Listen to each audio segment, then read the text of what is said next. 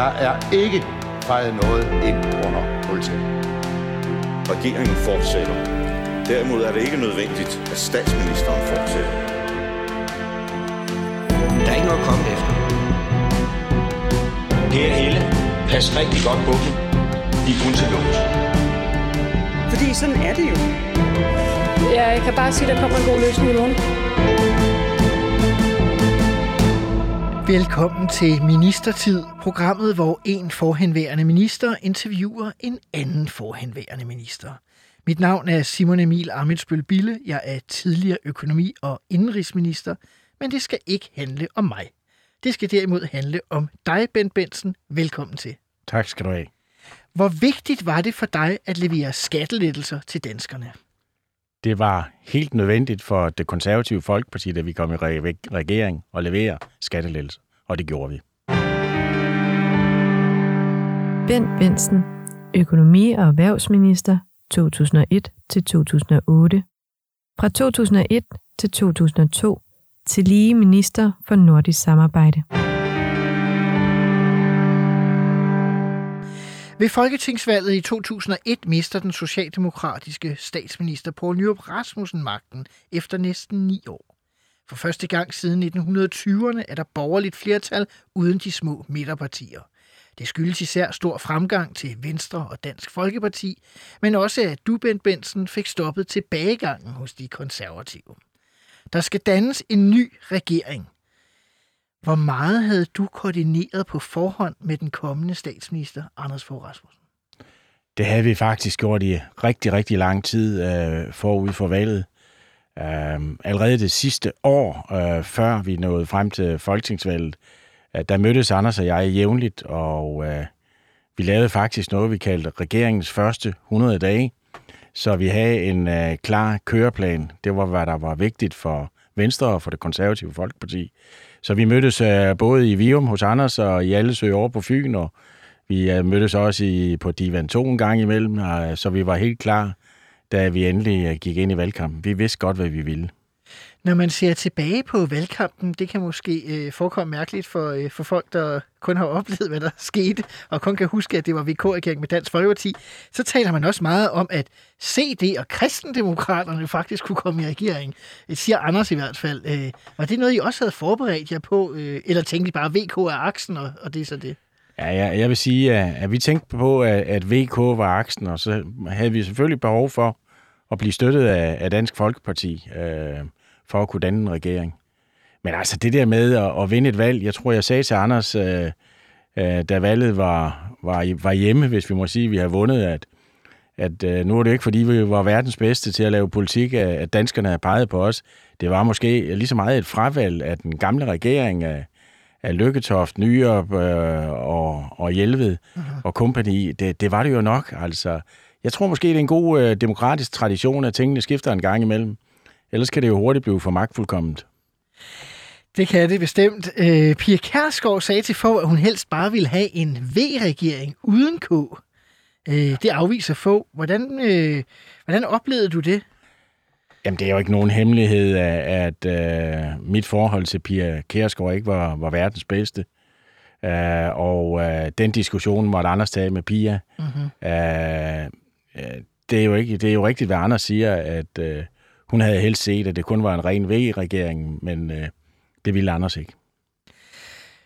I havde lavet de første 100 dage, men alligevel skulle I også lave et regeringsprogram, og der var egentlig forhandlinger om regeringsprogrammet også efter øh, valget. Øh, jeg læste mig til, at skat blandt andet var et stridspunkt. Jamen, det er der ingen tvivl om, øh, fordi at, at på daværende tidspunkt, der var Venstre det store, brede, borgerlige øh, parti, mm-hmm. øh, men vores legitimitet for at sidde i en regering var jo netop, at vi, der blev leveret skattelettelser, så det var jo et af de ret store hørtler, der var. Jeg kan sige, at i det konservative Folkeparti, der havde vi 20 grønne ringbind stående, øh, da valget var overstået, hvad vi ville tage med til vores forhandlinger. Uh-huh. Så det var jo forhandlinger, som Brian Mikkelsen og jeg havde med Anders Fogh og, og Claus Hjort. Og det var klart, skat, det var, det var et problem. Uh-huh. Var der andre stridspunkter end det? Nej, ja, der var en del på, på folkeskolen, øh, hvor, hvor Venstre nok øh, var lidt mere øh, til den, øh, til den bløde side, hvis jeg må sige det på den måde, hvor, ja. hvor vi har lidt mere krav og faglighed inde. Øh, og så er det klart, øh, som gammel politimand, og øh, det med, at, at jeg havde 25 år i politiet, da jeg blev minister, det var, at jeg har skrevet det konservative Folkeparti's retspolitiske oplæg helt tilbage i 1988. Og altså så det 13 der, år før regeringens dannelse, ja, før du så, var i Folketinget. Det var faktisk, mens jeg var ung kriminalbetjent i uh, Odense, jeg lavede partiets uh, retspolitiske oplæg, som jeg fik vedtaget på et landsråd i Vejle i 1988, så der vidste jeg også gerne, hvad jeg ville have. Uh-huh. Hvad så med fordelingen af ministerposter? Øh, hvordan foregik det?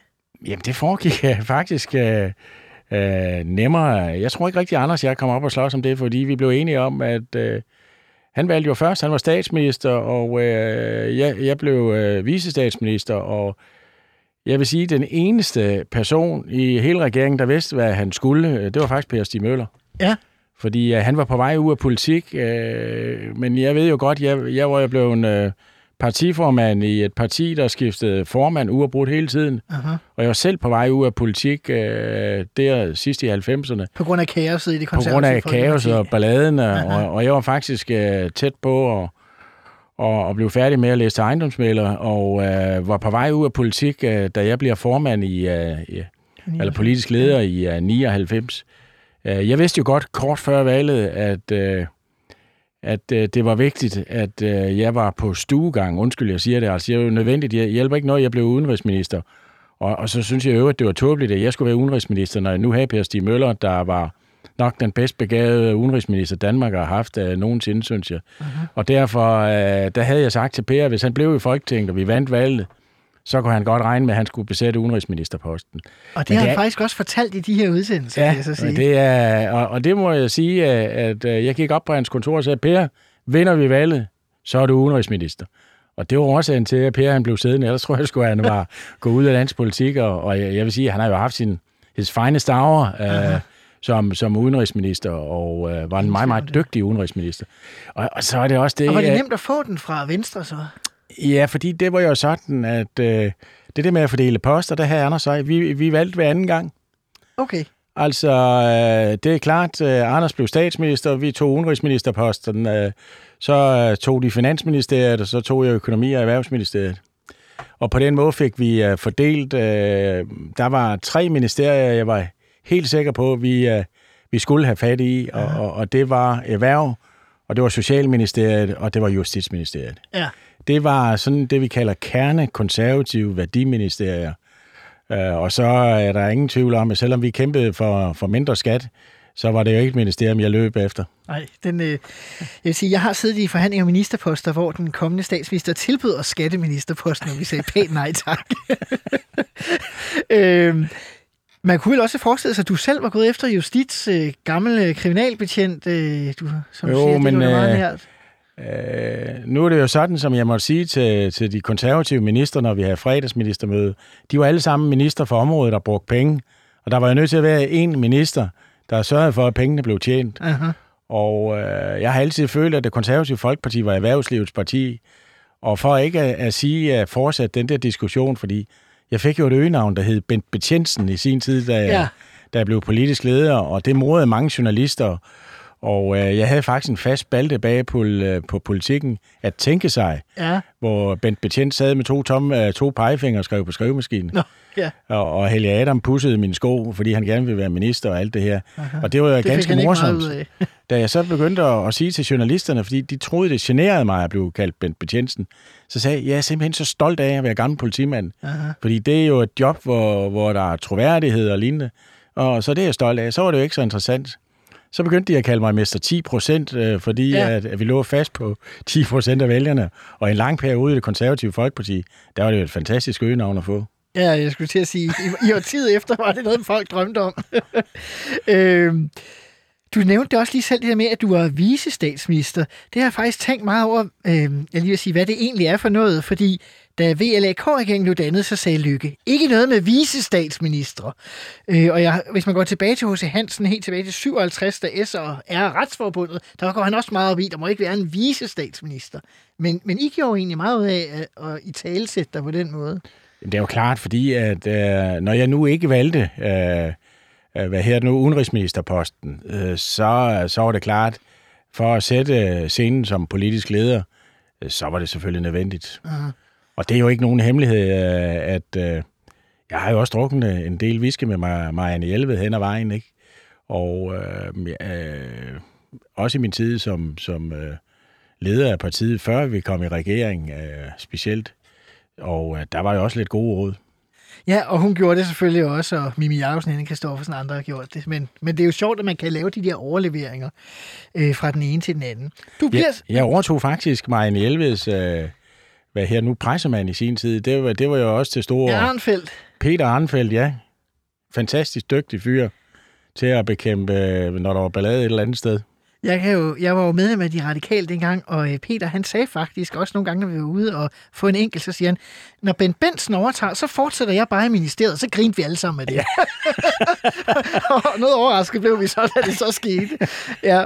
Du bliver så øh, minister i et meget stort økonomi- og erhvervsministerium, hvor altså både økonomi, erhverv, bolig, energi, endda også nordisk oveni, det må have været noget af en sådan faglig opgave, hvis man kan sige det sådan, du står overfor. Jo, men nu skal du tænke på, at jeg, jeg er gammel bunddreng fra Nordfyn, og øh, jeg har jo ikke nogen større akademisk øh, uddannelse. Jeg har, jeg, jeg, har, jeg har en reel eksamen, og, og derfor havde jeg jo egentlig behov, undskyld, jeg siger det, for at vise, at jeg godt kunne. Uh-huh. Øh, selvom at man ikke var, var løbet rundt og blev øh, kanskende pol, som de, de fleste ministre er i dag. Altså uh-huh. i dag uddanner vi jo politikere. Jeg plejer gerne at sige, at, øh, og det er måske ikke så populært at sige, at vi. Øh, vi uddanner politikere i dag på samme måde, som vi producerer juletræer på Fyn. Altså, de står i lange lige rækker for det samme vand og det samme gødning, det er de samme forelæsninger og lignende. Alle sammen. Øh, jeg tror i den grad, man har behov for at have nogle folk ude, øh, som har haft et liv øh, i det private erhvervsliv også, eller i det offentlige, mm-hmm. inden at de kommer i politik. Men i dag er vi jo ved at uddanne, og det sker over hele Europa. Det er en trend, det er ikke noget, jeg kan lave om på. Det er jo vælgerne, der bestemmer, men jeg synes, det der med kun at uddanne til at være politiker, det gør, at afstanden mellem den enkelte menneske og, og politikerne bliver større og større. Men du bliver også sådan, der, var, der bliver skrevet, kan man læse nogle historier omkring, at Venstre havde snydt og vi har druknet dig i arbejde. Ja, det passer jo ikke, fordi Nej. at øh, øh, jeg sagde selv ja til det. Øh, jeg må så erkende, at, at øh, det var lige til at, at gabe over, og specielt øh, energiområdet øh, som øh, jeg havde frem til 2005. Øh, det, men, men det er jo et enormt spændende område at være minister for. Og nu kan vi jo se, hvor meget energipolitik øh, betyder i dag. Aha. Men jeg måtte bare konstatere, at øh, det blev større og større, kom til at fylde mere og mere. Så det overtalte jo Flemming Hansen til at, at Som gå ombord i. Som var transportminister udover. Ja, lige nøjagtigt.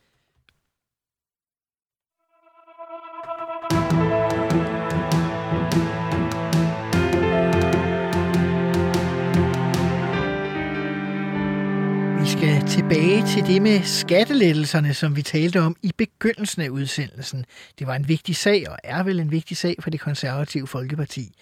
I får gennemført de første, så vidt jeg kan se, i 2004, og kort før valget i 7 er der en virkelig sådan hård håndgang også om, øh, omkring det. Øh, hvordan foregik det? Jamen, det foregik jo ved, at vi, vi startede med det første regeringsgrundlag i sin tid, og øh, jeg var helt klar på, at der skulle leveres frem til et valg, fordi at vi har kørt hårdt på det i vores valgkamp frem mod valget øh, i, i 2001. Aha. Og øh, derfor, øh, der stod der jo i regeringsgrundlaget, at forudsat det fornødne råderum er til stede, skal øh, skatten lettes. Og det er Venstre, der havde fået og, det? For det var det konservative, øh, og, og øh, vi sad jo meget omkring den der formulering, forudsat det fornødne råderum Ja, det var det, jeg tænkte. Og jeg kan sige, at hvis du vækker mig klokken halv tre om natten og om 20 år, hvis jeg er levende, så kan jeg godt huske den formulering. Aha. Fordi den blev vi jo holdt op på hele tiden. Og, og da vi så nærmede os et, et kommende valg, så skulle der leveres på den dagsorden. Og øh, jeg vidste jo godt, at jeg ikke skulle ud i et offentligt øh, slagsmål med Anders om, om det. Det skulle vi have håndteret internt. Mm-hmm. Og, og jeg vil sige, øh, jeg tror, at en af styrkerne i den gamle VK-regering, eller faktisk øh, VK-regeringen 1, 2, 3, ja. det var jo, at... Øh, vi ved jo godt, i et parti, der er der nogen, der ikke kan lide modparten. Mm-hmm. Øhm, der er nogen i Venstre, der ikke kan lide konservative, der er nogen i konservative, der ikke kan lide Venstre. Og derfor øh, var Anders jeg meget bevidste om, at de slagsmål skulle vi undgå. Og vi, vi så et par gange optræk uden jeg sådan behøvede lige at trække det frem, at, at hvis der var nogle gange, at der var uenighed mellem Anders og jeg, og det bredte sig ned i, uh, i økonomiudvalg, koordinationsudvalg, så var det lige pludselig ude i pressen. Aha. Øh, det kunne ikke holde til, specielt vores koordinationsudvalg. Det var ikke særlig tæt, så, så Det når er der var... alligevel imponerende i et topartisystem. Øh, ja, men, men øh, der var folk på begge sider i koordinationsudvalget, der ikke kunne holde bøtte. Aha. Og derfor fandt vi jo ud af, at, at øh, hvis der var problemer før et koordinationsmøde, så mødte jeg op ved Anders, og så afgjorde vi sagen. Aha. Og han var jo egentlig meget formel. Han sagde, så giver vi ord til økonomiministeren. Øh, øh, men, men når vi har haft de der sager, hvor, hvor vi virkelig var op og, og skubbe lidt til hinanden, så sagde han, Bent og jeg er enige om, og så vidste alle, der sad i koordinationsudvalget, nu diskuterer vi ikke den sag længere. Han var en hård hund som regeringsleder, men mm. jeg kunne stole på ham. Ja. Og, og øh, det er noget af det vigtigste i øh, politik. Øh, jeg har meget til overs for Anders, fordi udover at han var hammerne dygtig, så var han også en mand, man kunne stole på. Aha. Flere, altså, øh, flere gange så kommer det så vidt, så du faktisk truer med at trække det konservative Folkeparti ud af regeringen. Jamen, jeg var ikke gået i regering igen, og det måtte jeg jo gøre opmærksom på på Anders en gang mere, hvis vi ikke havde leveret skattelettelser. Øh, Og øh, i 2007, øh, der, der fik vi jo øh, anden afdeling. Aha. Og, og det var det samme, jeg, jeg, jeg skulle levere, øh, inden vi skulle til valg igen. Og øh, jeg vil sige, at øh, der var der et tidspunkt, hvor, hvor, hvor det var tæt på, at, at det konservative folkeparti var ude af regeringen, men det er jo aldrig noget, der kom til pressens kendskab. Og jeg har ikke lyst til at bruge det, fordi du skal jo ikke tro med det, fordi hvis du er på vej ud af døren, så lige pludselig, så bliver du jo ikke kaldt tilbage, og så er du ude af døren. Er, Og, og øh, vi havde, jeg havde ikke brug for at profilere mig om, at jeg havde tvunget Venstre til et eller andet. Mm. For mig har, har resultaterne været det, det mest vigtige. Og selvfølgelig kan man altid diskutere, hvem der skulle tage æren for det. Det, øh, det er jeg godt klar over. Det. at du beskriver lidt i din bog, at Venstre var ret hurtigt ude der i 2007. Ah, der var en gang, jeg var ved at falde ud af ministerbilen, da jeg hørte øh, fra et venstremøde om, at nu kom der skattelettelser. Øh, det synes jeg jo godt, jeg kunne have været med til at præsentere. Men, øh, sådan er livet indimellem. Det kunne være, at, at jeg og andre skulle have læst din bog, inden vi gik i regering, og ikke først efter. Altså, det er jo sådan, at, at øh, man kan jo også komme til at sige noget på, på et tidspunkt. Jeg kan huske, at jeg var en gang til et, øh, et møde på Odense Universitet, øh, hvor vi har haft nogle øh, hæftige diskussioner, og jeg var over at tale om, øh, jeg kan ikke huske rigtigt, hvad det var, men kommer der en gammel øh, journalist hen til mig fra Fyns Stifttiden, Anders Mose Poulsen, og han siger, han, Nå Bent, hvordan går det derinde i regeringen? Og så kommer jeg jo til at sige, jo, det går meget godt, Anders. Øh, Jamen, hvad med de der venstrefolk? Øh, Det er jo nærmest socialdemokrater i øjeblikket.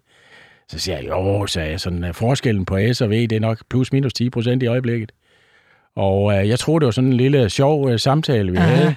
Så næste morgen, jeg sad i ministerbilen på vej over øh, Vestbroen på vej til København, så tænkte jeg, du må heller lige slå op i Fyns Stifttiden, der lå ved siden af i ministerbilen, og se, om der var lidt for det her iværksætterhalløj, jeg havde været ude at tale om på, på Odense Universitet, og, og det ja. var der også om i øh, anden sektion under Odense-siderne. Jeg læste ned igennem. Så ned i tredje spalt eller sådan noget lignende, så står der, at øh, Ben Benson udtalte dog, at øh, forskellen mellem S og V er plus minus 10 procent. Og øh, jeg var jo ved at falde ud af bilen og måtte ringe til, til Peter Arnfeldt, min pressechef, og sige, Peter, øh, du er nødt til at vågne nu. Ja, og han var jo B-menneske. Han siger, jeg kan ikke tænke øh, på så tidligt. Jeg tror, klokken var lidt over 6 om morgenen. Der var ja. jo på vej ind til København. Og øh, så siger han, står det på, som overskrift på forsiden? Nej. Overskrift på, på sektion 2? Nej. Det står nede i tredje spalte inde på Odense-siderne. Så siger han, så går jeg lige hen og sover to timer. Og øh, så, øh, fordi at når det står inde i tredje spalte, så er der ingen journalister, der har fået læst det før middag Aha. alligevel. Og så finder vi ud af et eller andet. Og øh, da jeg så ankom til, til København øh, og skulle i samråd, øh, jeg var sådan havde lidt ondt i maven over det her, så jeg gik op til samråd. Og øh, da jeg så sidder i samrådet, så får jeg en sms øh, fra Peter og siger, nu, er, nu har pressen fundet ud af det. Du kan forvente, der står ret mange uden for døren, når du kommer ud. Og øh, så sagde han, øh, vi laver en slutter, sagde han så.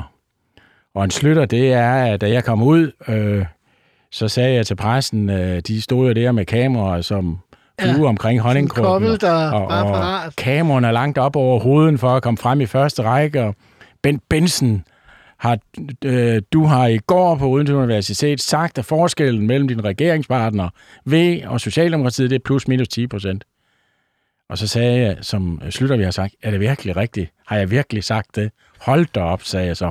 Jamen dog, der må være røget en fingerpanden. Og det var lige sådan, kameraerne, de faldt lige så stille og roligt ned. Og det var sådan, Peter øh, taklede den sag, så, så kom vi ud over det. Og så øh, i løbet af dagen, jeg tror det var Jens Rode, der var ordfører, så hørte jeg både statsministeren Jens Rode sige, at der var jo vist røget en fingerpanden. Og så var den sag Så, så var den sag ude, ja. Hvis vi lige vender tilbage til 2007, øh, I spiller oprindeligt ud med nogle større lettelser på topskatten, end det ender med i kompromiset. Dansk Folkeparti er i hvert fald offentligt meget afvisende øh, øh, over for jer. Øh, Pia Kærsgaard udtaler efter at aftalen blev indgået, at det var for at redde VKO-samarbejdet. Det, altså var der valgtrusler i luften? Eller? Nej, men øh, jeg kan godt sige, at 2007, det var et meget afgørende møde på Marienborg. Og øh, havde vi ikke kunne levere en skattelettelse, inden vi øh, var gået til valg, så havde jeg som konservativ leder trukket partiet ud af regeringen. Aha. Og var Pia Kærsgaard med til det møde? Nej, det var hun ikke, fordi at øh, de forhandlinger, det er, der må jeg jo tage hatten af for Anders. Han må jo klare piger, når der var de problemer, fordi at, at øh, som jeg siger til dig, jeg har ikke haft det nemmeste forhold øh, til Pia Kærsgaard øh, som minister. Det, øh, det, er jo ikke, det, er jo, det er jo ikke nogen hemmelighed. Det, det er jo en kendt sag, at, at øh, konservative og, og Dansk Folkeparti øh, havde jo lidt problemer. Undskyld, jeg siger det. Ja. Og det var, det var noget, Anders håndterede, øh, men, men det er klart, at, at øh, Venstre mente jo ikke på daværende tidspunkt, de har ikke helt samme holdning til, som os til, til den sag. Mm-hmm. Men det var igen jo ikke noget, der, der nogensinde kom ud, mens vi var, Nej, nej. var i regering sammen, fordi jeg har ikke behov for at udstille de konflikter, der kunne være. Og det synes jeg, det var styrken ved, ved den regering. Det var Anders og jeg, vi, øh, vi holdt øh, vores uenigheder øh, internt, og også øh, væk fra de fleste i øh, folketingsgruppen. Mm-hmm. Øh, Venstres folketingsgruppe, den konservative folketingsgruppe, vidste godt, at Anders og jeg under ingen omstændigheder ville acceptere splid og ballade øh, i, i medierne. Mm-hmm. Og Oplevede vil- du nogle gange, at det ja, ja, det jeg har oplevet det at være på vej, men det blev øh, hurtigt slået ned. Uh-huh. Og, og det gjorde vi i begge partier, og det vil sige, øh, det var jo et langt og frugtbart samarbejde, og jeg er godt klar over, at øh, hvis man sidder i en længere overrække og arbejder sammen øh, med et støtteparti, der skal have noget, jamen det bliver jo dyrere og dyrere, det ved vi jo. Øh, støttepartierne, de er billige i starten, men øh, prisen stiger. Øh, og, og sådan er det jo. Det vores frihed til at føre økonomisk politik, det var jo, at vi leverede hver gang, der var finanslovsforhandlinger.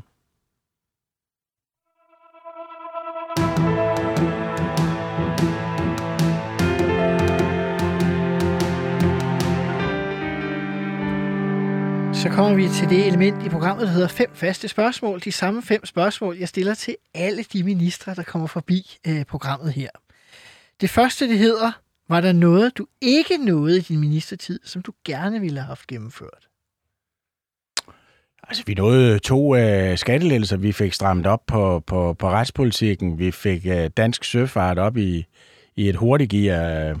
Nej, når jeg kigger tilbage, så, øh, så er jeg faktisk ganske tilfreds over det, vi nåede. Vi nåede at fik forlænget en øh, olieaftale med, med Den vender vi tilbage til lige ja, om lidt. Ja. Men man kan jo godt være tilfreds med det generelle. Du sad der også i, i mange år, øh, syv år cirka, ikke? Jo, Øh, derfor kan det jo godt være, at du vil sige, at jeg vil stadig gerne have, have, hvad ved jeg, afskaffet topskatten, eller...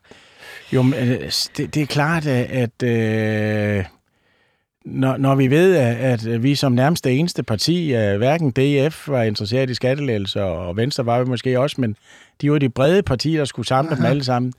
Øh, jeg sad jo alene mand, og, og jeg er da godt klar over, at øh, uden Anders Foghs øh, indvirkning havde vi jo selvfølgelig ikke fået de skattelettelser, for han kunne bare have sagt nej, men så, så har jeg heller ikke siddet i regeringen. Uh-huh. Øh, ja, faktisk. Jo, øh, jeg vil sige, jeg, jeg føler ikke, der var noget, jeg ikke nåede. Som vi sagt, du siger, vi sad der, jeg sad der næsten syv år. Altså, så er over med det, man skal. Hvad var din ministertids værste øjeblik? Det var under valgkampen, hvor Lykketoft lige pludselig problematiserede at diskutere at koste øh, forbrugerne penge og bruge dankortet. Og øh, så blev statsministeren spurgt på vej ud af døren, hvor han sådan lige læssede den over i økonomi- og erhvervsministeriet og sagde, jamen det er jo noget, Ben Benson må, må forhandle. Så det var sådan en bunden opgave, øh, og, og det kom til at fylde ekstremt meget lige pludselig i valgkampen. Aha, aha. Det der med, at der skulle til at være et gebyr på en hver dankortstransaktion, Ja. det er noget, at her fru Kakkelborg kan forholde sig til. Ja. Og øh, det endte jo med, at Lykketoft problematiserede det, og så lige pludselig læser statsministeren over på mit bord lige før valget. Aha. Og øh, jeg måtte i øh, øh, virkelig hårde forhandlinger med Peter Strohrup, Og øh, han fik jo et øgenavn, som jeg måske er skyld i, øh, fordi øh, at det lykkedes mig at få læset, hvad her er det nu, øh, øh, det gebyr over på bankerne. Øh, og øh, det var faktisk sådan, at øh, jeg fik besøg af en amerikansk journalist efterfølgende, fordi de vil overleve en reportage om det her lille land og over i Europa, Danmark, hvor der har alle de glade mennesker og alle det her, at hvordan pokker et gebyr på et dankort kunne blive et hovedtema ja. I en valgkamp. Ja. Det, det forstod man ikke i USA, hvor man var vant til at flå folk på deres kreditkort. Øh, så øh, vi nåede at fik den på plads, øh, øh, og, og Peter Strohrup måtte så lide den tårte, at, at man gav ham et øgenavn, fordi bankerne løb med det. Altså noget med gebyrgriber og sådan noget. Det, en anden ting, som man måske også kunne tage op, det var øh, efter valget der i øh, 2000, omkring valget i, to, var det ikke omkring valget i 2005, der var med Henriette Kjær øh, og privatøkonomien, der pludselig eksploderede. Øh, Ja. øh, Jamen, jeg vil gerne det sige, hele. at Ja. Henriette Kjær var jo en minister, jeg satte ekstremt meget pris på. Som var socialminister. Hun var socialminister. øh, Hun har gjort rent øh, i sin ungdom sammen med sin mor øh, tidligere om morgenen, og, og øh, øh, hvis hun blev sur på tv øh, over folk, der kom i klemme i, i det sociale system, øh, så kunne man se, at det var ikke noget, der var påtaget. Hun var indigneret, hun førte politik med hjertet, hun var en fantastisk minister. Mm-hmm. Men det er klart, øh, hun havde ikke styr på sin mand, altså for at sige det liv og landvejen. Der foretog jo en hel del ting, som han ikke skulle have gjort. Mm-hmm. Og øh, så kan man jo ikke være minister, hvis man, øh, man har det på den måde. Det, var- det, var, det var synd for Henriette, og jeg havde gerne set hende tilbage som minister. Men, men øh, hendes mand var en hemsko for hende. Men det må have været en tung øh, snak at tage som øh, partileder og partiformand. Jo, men, men ved du hvad? Øh, øh, selvom øh, at, at, at når man bliver partileder, så er der jo også ubehagelige samtaler indimellem. Og det er der jo også, når der skal udnævnes minister, fordi der er jo altid flere talenter, end der er ministerposter. Ja. Du beskriver i din bog, øh, din erindringsbog, at hvis der havde været en post til i 2001, så ville det have været Henriette Møller, øh, Jamen, det er også mangeårig, øh, konservativt folketingsmedlem. Jeg har selv været kandidat, kollega med ham i Næstvedkredsen. Jamen, øh, øh, Helge Adam er jo en af mine meget gode venner, Aha. øh, og det er han stadigvæk. Og det venskab kunne godt bestå, selvom han ikke blev minister. Han blev jo så gruppeformand og, og statsrevisor, øh, men der er jo ingen tvivl om, at han vil gerne have været minister, men øh, det er også lige det med at finde det sted, hvor, hvor, hvor vedkommende passer ind til. Ikke? Det er klart. Der er jo ingen tvivl om, at, at øh, jeg, jeg mente jo, at Lene Aspersen var et fremragende valg som justitsminister.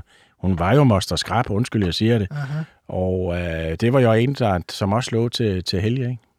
Det er klart, så mange år er jeg også retsordfører. Lige nøjagtigt, ja. Øh, er der noget ved din ministertid, du er flov over? Ved du hvad, Simon, så... Øh, jeg har det på den måde, at alt det, der, der presser mig, det har jeg været vant til at vifte ud til højre. Der, der har været mange ting i, i tidens løb, øh, som, som jeg har gjort forkert. Vi er jo kun mennesker, og vi begår fejl alle sammen, og det har jeg også gjort. Jeg kan ikke lade være med at tage en lille ting op, fordi du selv har beskrevet den. Øh, noget med, at du øh, havde adgang til din forgænger i Erhvervsministeriets mails, da du overtager øh, Ja, det var fantastisk. Ja. Det var fantastisk, fordi jeg kom jo ind og sidde øh, på ministerkontoret. Og, øh, I det, der hidtil har været Erhvervsministeriet. i, i Erhvervsministeriet, hvor Ole Stavads computer overtog jo også. Og øh, de koordinerede jo deres øh, spørgsmål øh, til den der øh, spørgetiden, Fordi og- de nu var kommet i opposition. fordi de var kommet i opposition, og, og så blev der jo skrevet mail rundt det, at ministeren skulle, øh, skulle øh, være her nu hænges på. Øh, det kom jo rundt som spørgsmål internt i Socialdemokratiet. Og der har Oles øh, ministermail jo stadigvæk i Erhvervsministeriets øh, mailbox. Så øh, det fortsatte de med et stykke tid. Og jeg vil ikke engang sige det til min egen departementchef, fordi så har han jo fået det stoppet. Aha. Så øh, de første gange, jeg var i øh, spørgetiden, der var jeg ekstremt godt forberedt, for jeg kendte jo spørgsmålene fra Socialdemokratiet, for dem har jeg læst på min egen computer. Men det, og det er jo selvfølgelig meget fikst, men det kunne jo godt være, at man tænkte, ah, det var lidt en overtrædelse af reglerne, det var derfor, jeg lige havde skrevet Nej, det altså hvis øh, de sender en mail øh, til den computer, jeg sidder og arbejder på, hvad de vil spørge mig om til et tirsdagsspørgsmål, så er jeg med med forberedt til senderne. Men lavede du simpelthen så dine egne svar? Fordi normalt, når man er minister, så øh, er der jo et Nej, øh, stort... øh, øh, jeg gik jo ind og sagde til dem, der skulle øh, forberede mig på minister, at jeg vil godt lige have øh, nogle øh, notater på lige nøjagtigt det spørgsmål, og det spørgsmål, og det spørgsmål. Og så lavede de jo nogle fine svar, som jeg kunne lære uden af, inden jeg gik over i folketingssalen. Men på et tidspunkt tørrede, øh, tørrede det ud. Så lige pludselig så forsvandt den, men, men øh, det gjorde ikke så meget, fordi der, det var, jeg tror faktisk, det blev ved i nogle måneder, en 5-6 måneder. Og øh, så, så kommer du jo hurtigt på omgangshøjde. Altså en minister, øh, forhåndværende minister, han er altid en hård hund i folketingssalen de første seks måneder, men, men så kommer han jo bagefter. Øh, det informationssystem, han har haft til daglig. Aha. Og så taber han, øh, så taber han øh, luft, og det gør vi alle sammen. Mens det går modsat for en ny minister, der har Ja, en ekstremt stejl, Ja, ja, ja. stejl læringskurve. Har du nogensinde talt med Stavad om det egentlig? Ah, nej, jeg synes det... Nej, det har jeg faktisk ikke. Jeg har også haft ham her i studiet, og, og han har faktisk en utrolig god humor, så jeg er næsten sikker på, at, at han ville synes, det næsten var sjovt Jeg, nu. jeg synes, det var ekstremt morsomt, det jeg kunne læse, hvad tirsdagsspørgsmålene var. Har du nogensinde bagt en revkage? Dem har jeg bagt rigtig, rigtig mange af. Vil du fortælle om en? Ah, jeg vil sige, at, at øh, jeg havde jo et fantastisk øh, samarbejde med, øh, med, hvad her det nu, øh, med Niels Sindal, der var erhvervsordfører og søfartsordfører. Det, det havde For man Socialdemokratiet. for Socialdemokratiet, og han er skippersøn fra Marstal. Hvordan er i alverden han er blevet socialdemokrat, det har jeg aldrig fundet ud af. Men, men øh, vi havde et rigtig, rigtig godt samarbejde. Øh, på et tidspunkt, hvor vi skulle øh, have lavet nogle forlig på søfartsområdet, så, øh, så krævede Niels, at hvis øh, Socialdemokratiet skulle ombord i det, så skulle vi skaffe nogle flere uddannelsespladser. Så øh, øh, aftalte vi egentlig, at jeg prøvede at se, om jeg kunne få de uddannelsespladser øh, ned i Rederiforeningen, og var lidt i hårde forhandlinger om, om de ville stille øh, pladserne til rådighed på, på de, de forskellige rædderier. Og øh, da Niels så forlangte det, så måtte jeg tage en time-out og gå ind og læse avis, øh, mens der udvalgte sagde det igen, og sagde, at jeg er nødt til at prøve lige at have fat i rædderien, da havde vi, den aftalen var på plads. Så gik jeg ind og læste lidt af Berlinske Tiden, og så gik jeg tilbage og sagde, nu, er- nu er vi på plads, nu kan vi godt lave en aftale. Fantastisk. Det sidste, det er måske også det, det, det værste, eller lige vil sige, hvem er din værste kollega? Min værste kollega? Ja, jamen det vil jeg sige. Øh, Simon, jeg tror, jeg var en af de ministre i den daværende VK-regering, der havde de bredeste flertal. Mm-hmm. Og derfor øh, måtte jeg nogle gange diskutere med Venstre for at lave de brede flertal. Jeg vidste jo godt, for eksempel på søfartsområdet, som altid har interesseret mig meget, at øh, det var vigtigt at få lavet de brede forlig, fordi kommer der en ny minister tre måneder efter, så kan man jo ikke øh, belave en investering på milliarder over en 3-4 år øh, i en virksomhed på, at, at der lige pludselig sidder en minister med en anden farve kasket på. Aha. Men øh, hvad var du sagde, det var det Den værste? værste kollega. Den værste kollega? Øh, jamen altså, jeg kan huske en gang, jeg var nødt til at gå på talerstolen, for jeg har haft et lovforslag inde i Folketingssalen, hvor det endte med, at Frank Aaen gik op og, og roste ministeren. Og så i min replik øh, til, til ordførerne bagefter, så var jeg nødt til at gå op og sige, at jeg skulle blive noget bekymret. Øh, fordi hvis Frank Aaen roste noget, jeg, jeg havde gang i, så må jeg jo skulle lige hjem og se det efter en gang mere. jeg vil sige, jeg har ikke haft nogle kollegaer, jeg ikke uh, kunne samarbejde med. Uh, men det er klart, at, at uh, enhedslisten var jo noget af det, der lå langt fra, fra, fra det, vi... Rent politisk har jeg ikke haft uh, problemer med nogen kollegaer. Du nævner også lidt øh, besværligheden mellem i forholdet mellem dig og Pia Kærsgaard. Jo, men det, var, det må vi jo så bare sige, at det var, det var jo måske øh, mere politisk, øh, måske... Ja, jeg ved det ikke. Øh, Jeg ved ikke, hvad det er. Jo, jeg har jeg dummede mig lige, da jeg kom til som minister øh, i min første landsrådstale, så hvor at øh, en af de passager, der var skrevet af en pressechef, øh, den var sgu ikke så heldig. Og det beklager jeg også Hvor du fik langet ud til Dansk Folkeparti, Ja, efter Dansk Folkeparti. Ja, ja. En sammenligning med, med, med Glistrup, tror jeg, der var. Og det er undskyld, jamen, det tror jeg sgu ikke helt, hun glemte. Ja. det ramte også sikkert det værste sted, det næsten kunne. Ja, Øh, Det var ikke klogt. der var måske også i forbindelse med afskedelsen af Lars Barfod, der var familie, øh, hvad hedder det, familie- og forbrugerminister. Ja. Det var en, en hård omgang. Han har selv også beskrevet den her i udsendelsen øh, ret øh, detaljeret. Og der må jeg sige, at, at der var vi jo heller ikke så flinke, fordi uh, jeg vidste jo godt, det var piger, der bestemte, og uh, jeg var eddermame sur. Aha. For jeg mente ikke, at, jeg mente, det var en hævnaktion på det konservative Folkeparti at fyre Lars Barfod. Aha. Uh, Lars har ikke haft muligheder for at agere på det. Det var fuldstændig vildt og, af DF, men det var sådan en uh, DF-tak til, til konservative Folkeparti.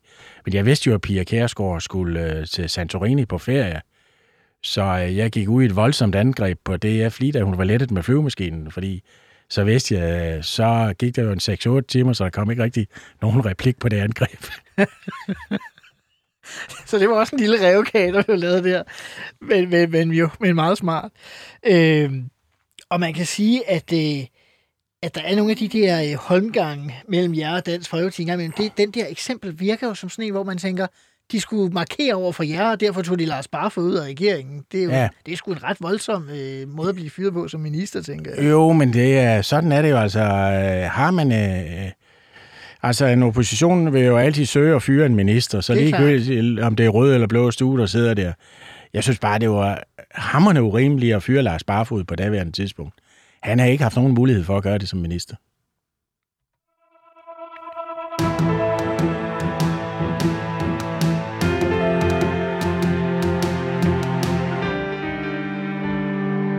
Jeg lovet, at vi skulle tilbage til Nordsøaftalen i 2003.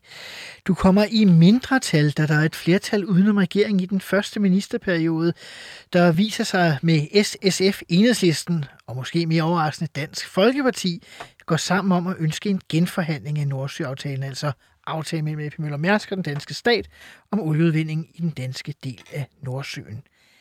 Det var ikke ligefrem groet i din have, Bent Benson. Hvad tænkte du? Jamen, ja, jeg tænkte, at øh, for mig har en aftale altid været en aftale. Mm-hmm. Og vi havde en aftale øh, med Mærsk øh, på det her område. Øh, jeg ved, at Svend Som galt til 2012, tror til jeg. 2012, så i 2004, øh, der var Morten Messerschmidt faktisk øh, ny mand i Folketinget. Og øh, det lykkedes jo Svend Augen at, at overbevise ham om, at øh, nu skulle erhvervsministeren levere noget mere. Og jeg havde sådan, at en aftale var en aftale. Øh, men det er klart, der kunne man jo presse en minister, så jeg fik et pålæg i, i Folketingssalen om at genforhandle Nordsøaftalen. Aha. Øh, der var det meget vigtigt for mig, øh, at, at det foregik på en ordentlig måde. Og øh, det har nok været noget af det hårdeste, jeg har været med til øh, rent forhandlingsmæssigt i alle de år, jeg har været i politik. Mm-hmm. Fordi øh, vi havde en aftale med en virksomhed, og nu skulle vi ud og, og lave en ny aftale øh, 10 år før den udløb, eller 8 år før den udløb. Ja. Og øh, da det her var på bordet, så vidste vi jo godt, kom der ikke en aftale, så vil alle investeringerne i Nordsøen stoppe de næste 10 år. Hvad vil det betyde for mm-hmm. arbejdspladser i Esbjerg og mange andre steder? Og dansk Det økonomi. Være, for dansk økonomi, det vil være en katastrofe. Så jeg gik jo i gang med at forhandle øh, med den øh, daværende leder øh, på, på Mærsk Olie og Gas, øh, Fjeldgaard. Og det gik sgu ikke ret godt for at være helt ærlig. Samtidig vidste jeg, at det var nødvendigt at have linjerne bagud i orden. Så jeg mødtes både med Pia Kærsgaard, og øh, jeg mødtes også med øh, Marianne Hjelved. Øh, fordi jeg, jeg havde sådan med Svend, at det... Jeg vidste ikke rigtigt, hvor det, hvor det havnede hen. Øh, Svend, Svend var jo en meget dygtig forhandler, med, men han havde jo altid det der med at komme igen og igen. Jeg skal lige have det med, jeg skal lige have det med. Det er helt i orden, men jeg skal lige have det med. Og, og derfor så var det vigtigt for mig, at det radikale venstre var bag ved den her aftale hele vejen hjem. Igen, så det også galt, hvis der kom et andet Ja, flertal. også hvis det galt, hvis der kom en anden regering. Og jeg vil sige, øh, at øh, der må jeg igen tage hatten af for sådan en som Marianne Hjelved, fordi et ord er et ord. Og øh, jeg kunne godt have nøjes med at forhandle med Martin Lidegaard, men ja, det var vigtigt for mig, at jeg havde den radikale leder bag ved mig, og også at Dansk Folkepartis leder var bagved. Og øh, på et tidspunkt må jeg jo øh, ringe ned til Søderberg øh, på Esplanaden og sige, det går ikke med Fjeldgaard, så kommer vi ikke videre. Og vi havde hårde forhandlinger, men vi, øh, vi landede en rigtig lang aftale. Mm-hmm. Og øh, det var jo på daværende tidspunkt, var det ikke fordi, der kom så mange penge ind. Og øh, det har jo efterfølgende vist sig, selvom øh, at jeg blev kritiseret, fordi Svend Augen sprang fra aftalen lige til sidst. Aha. Han var med næsten hele vejen, og han forlangte, at vi blev medejere på, på 20 procent. Det kom også ind i aftalen. Aha. Og, var det fordi, han ikke havde dækning i sit eget parti? Ja, jeg ved det ikke rigtigt, hvad, hvad årsagen var, men, men øh, det var i hvert fald vigtigt for mig, at, at jeg havde et bredt flertal. Og den blev lagt ned i Folketingssalen, og øh, den blev øh, vedtaget. Og det har jo så efterfølgende vist sig, at det var jo en aftale, der hver gang at Mærsk tjente en krone, så fik vi to kroner ind i statskassen. En, en rasende god aftale, og en tid, hvor olieproduktionen ser rigtig, rigtig øh, voldsomt. Uh-huh. Det er fra fire og så de næste 10 år. Og det vil sige, at det har givet milliarder i statskassen. Den aftale kunne ikke implementeres til Hess, Øjler og de andre ude i Nordsøen, på baggrund af, at de lige havde lavet den aftalen to-tre år forinden. Uh-huh. Så kunne man ikke begynde at bryde den aftale op. Men, men jeg har jo den fornøjelse, selvom at den yderste venstrefløj igen kritiserede de konservative og Mærsk og for tæt sammenhæng, og jeg skal komme efter dig, uh-huh. så endte det jo med, at Holger K. Nielsen som skatteminister kopierede aftalen over på Hess Oil og de andre øh, nok en, øh, en, en længere overrække efter. Uh-huh. Hvor efter Holger han gik ud i medierne og sagde, at det er en fremragende skatteaftale, der giver mig flere penge, så jeg måtte... Øh, jeg må jo lige tage fat i Holger og sige, det var sgu da en god aftale, du har lavet, fordi det er lige nøjagtigt en kopi af den, jeg lavede. Men du øh, synes jo så også, det blev en god aftale, på trods af, at du blev tvunget til at, at indgå den næsten. Ja, men jeg, jeg synes bare, at det der med, at man bryder indgåede aftaler, kan jeg ikke lide. Nu var det så øh, en aftale, som begge parter blev enige om, men der var sgu da surhed på esplanaden over, mm-hmm. at regeringen kommer løbende og tvinger dem ud i en, øh, en ny forhandling øh, så mange år før en indgået aftale ophører. Ja, det er, og jeg havde jo den fornøjelse af en af Svend Augens ministersekretærer, som jeg har overtaget, øh, da jeg blev energiminister også. Ja, det var klart, at jeg tog øh, nogle af dem, der har siddet tæt på i de forskellige ministerier. Ja. Hun kommer og sagde til mig på aftenen og sige, den her aftale, den er meget bedre end den Svend, vi har lavet med, med Esplanaden. Så øh, personligt øh, har jeg altid haft det godt i maven med den aftale, selvom der var nogen i enhedslisten andre steder, der mente, at den var for gunstig over for AP Møller.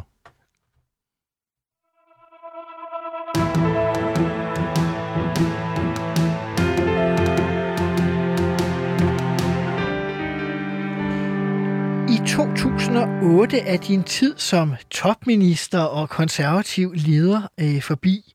Det er dit helbred, der sætter en stopper for det, ven. Kan du fortælle lidt om, hvad, hvad skete der? Jamen, det har, der er jo ingen, dem, der kender mig godt, ved jo godt, at jeg har kæmpet med mit hjerte i uh, rigtig, rigtig mange år. Altså og, også før øh, du blev ja. politiker? Uh, nej, eller? det var faktisk, mens jeg blev politiker, det kom. Og der er jo ingen tvivl om, at det er hammerne usundt, der er arbejdspladser at være i. Og det der at være minister 24-7 for et stort uh, ministerium, at være partiformand, uh, hele tiden uh, problemer, hele tiden skal prøve at redde uh, tråde ud, at det, det slider. Og uh, jeg blev uh, opereret første gang for, for hjerteflimmer uh, i 2002, mens jeg faktisk var minister. Uh, fik problemer allerede tilbage i 94, da jeg kom i Folketinget. Og det blev bare værre og værre. Og uh, på et tidspunkt... Uh, der sagde min læge til mig, kunne du tænke dig at se øh, dine børnebørn vokse op? Øh, og så sagde jeg, det selvfølgelig gav det. Det var før jeg fik børnebørn. Nu har jeg seks. Ja. Øh, så sagde han, så finder du dig et nyt arbejde. Uh-huh. Så sagde jeg, det er i løbet af et års tid. Det er nu, sagde han så, fordi ellers er du en af dem, der ligger ned, som ikke vågner igen. Så der er ingen tvivl om, at, jeg tror for, for os, der er været med i toppolitik, uh-huh. der, er det, der er det også tiden at komme ud en gang imellem jeg er ikke i tvivl om, at øh, den pris, jeg i dag betaler på, på mit helbred, øh, øh, fordi jeg var gammel bodyguard, og jeg var vant til at cykle og løbe og svømme ja, og lignende, ja.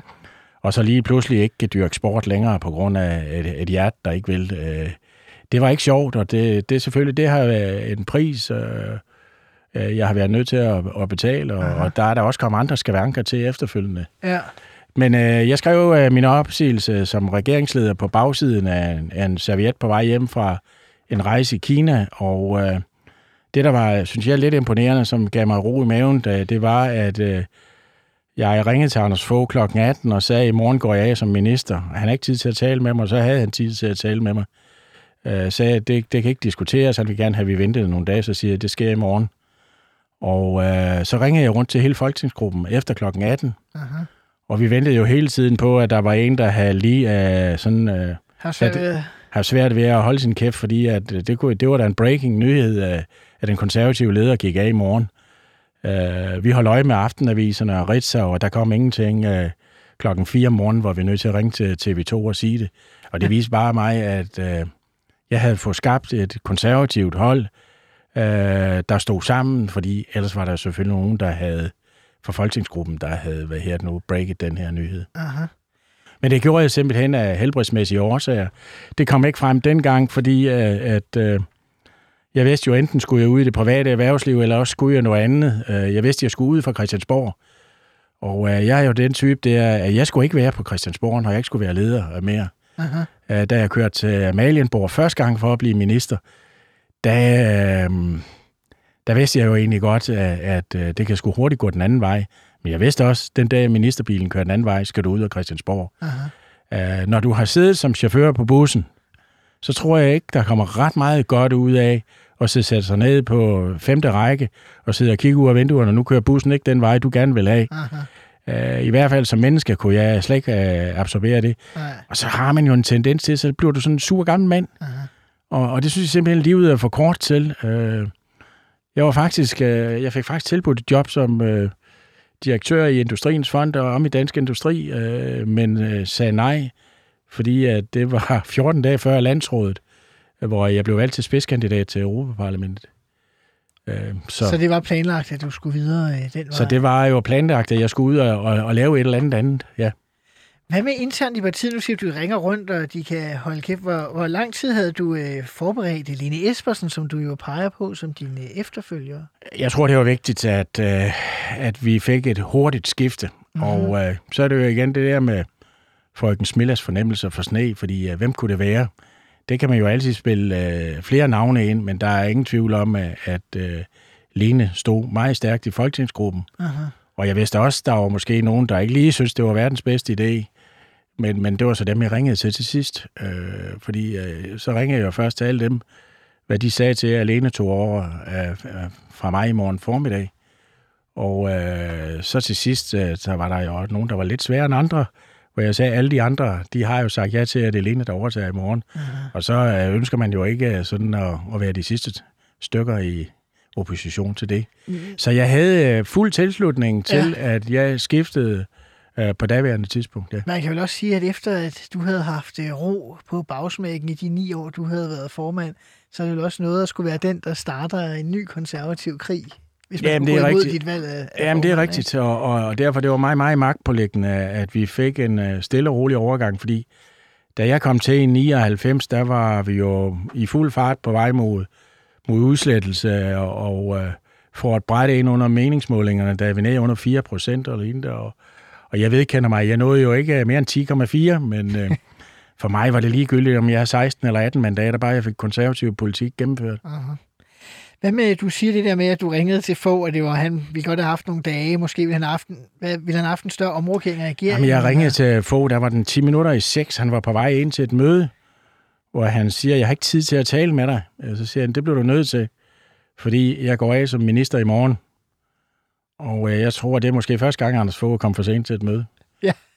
Øh, For jeg var selvfølgelig nødt til at orientere ham om, og jeg var også nødt til at sige til ham, at, at øh, det er min læge, der siger, at jeg skal stoppe, og jeg skal stoppe nu. Mm. Øh, fordi jeg har et hjerte, der ikke vil, og jeg kan så sige, at jeg så blev ablateret op i mit hjerte fem gange øh, i alt, og, og kan ikke øh, blive det mere.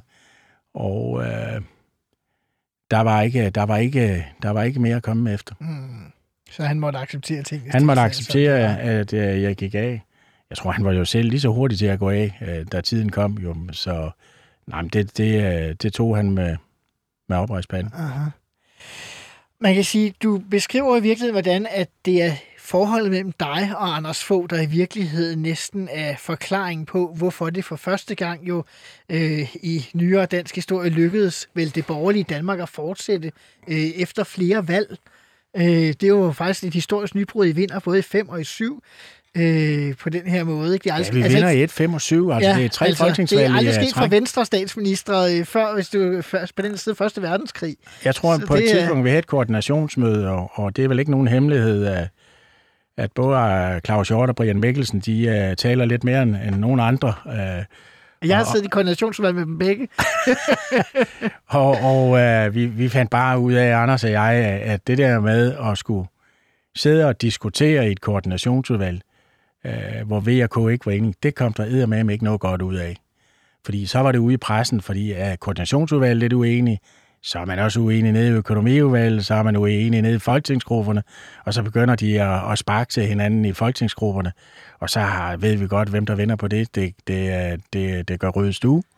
Så altså, Anders og jeg, vi var meget enige om, at, at de ting, øh, vi ikke var enige om, og det har vi da haft nogle ting, vi ikke var, men øh, vi har begge to haft den respekt for hinanden, øh, at vi er nødt til at ordne det mellem ham og jeg, Aha. og øh, at vi skal have et godt forhold. Vi begyndte jo også at holde øh, øh, fælles øh, sammenkomster. Jeg inviterede hele ministerholdet over på Østergaard i Allesø til, til arrangementer med grill og alt muligt andet, og han begyndte at invitere på Marienborg, så vi fik jo egentlig tømret det der ministerhold rimelig godt sammen. Aha.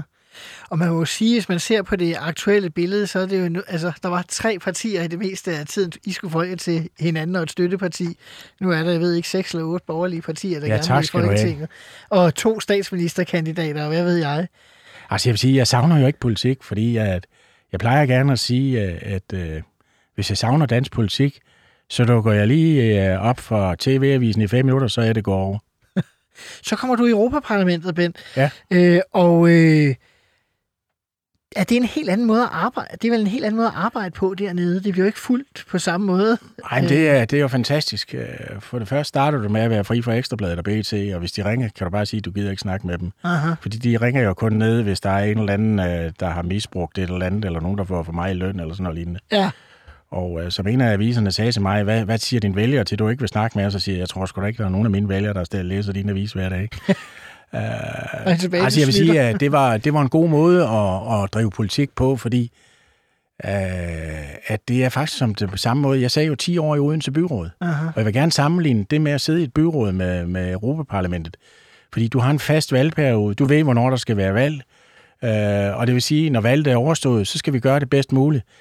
Christiansborg har desværre fået sådan en, en tendens mere til at smide skidspand i hovedet på hinanden. Mm-hmm. Fordi der er evig valgkamp? Der er evig valgkamp, og der kan være valg lige rundt om hjørnet, og, og øh, jeg, jeg synes også, at politik er anderledes i dag med de sociale medier. Altså det her, man hele tiden skal, skal performe og øh, skrive om, hvor dygtig man er, og tage billeder af sig selv og sådan noget. Ja. Jeg er egentlig glad for, at jeg er være politiker på, på et andet tidspunkt. Aha. Det der med, at jeg skal tage billeder af sig selv og lægge på medierne hele tiden, det synes jeg måske ikke er det mest interessante. Det med at kunne nå nogle, nogle resultater, altså i øh, Europaparlamentet, der har jeg arbejdet med små og mellemstore virksomheder. Jeg har arbejdet med Dansk Realkredit, Aha. som vi sikrede. Og, øh, som har været under pres, jo. Ja, som har virkelig været under pres. Fordi de engelske banker dengang var jo meget stærke i, på at, at præge alle europæerne om, at, at øh, det var slet ikke nødvendigt at have et realkreditsystem, fordi det kunne bankerne skulle da klare. Øh, og det var jo selvfølgelig, fordi de tjente penge på det. Aha. Og så har jeg arbejdet med grøn energi og energieffektivitet, og det er så også det, der er min hverdag i dag. Altså, jeg er jo bestyrelsesformand i dag Nu noget, det her Synergi. Der er Danfoss, Grundfos, Velux, Rockwool, Windows Master, Schneider Electric, Sustain Solution, øh, Strøger, Tejl, øh, energirådgivningsvirksomheder og andre. Og øh, der lykkedes det faktisk at, at, at hvad her det nu, øh, at få nogle resultater hjem i Europa på det område, og, og til gavn for både klima og miljø og lignende. Og det har jeg det fantastisk godt med. Øh, øh da, da, da dansk politik, det er, hold kæft, hvor det meget performance. Øh. Ben Benson, tak fordi du kom og fortalte både om din ministertid, og også om, at der er et liv efter politik. Øh, du har lyttet til Ministertid på 24-7. Mit navn er Simon Emil Amitsbøl Bille. Jeg er tilbage igen i næste uge med endnu et afsnit af Ministertid her på 24-7. Husk, du kan lytte til alle tidligere afsnit af Ministertid på 24-7-appen, eller hvor du plejer at høre podcast. Tak for i dag og på genhør.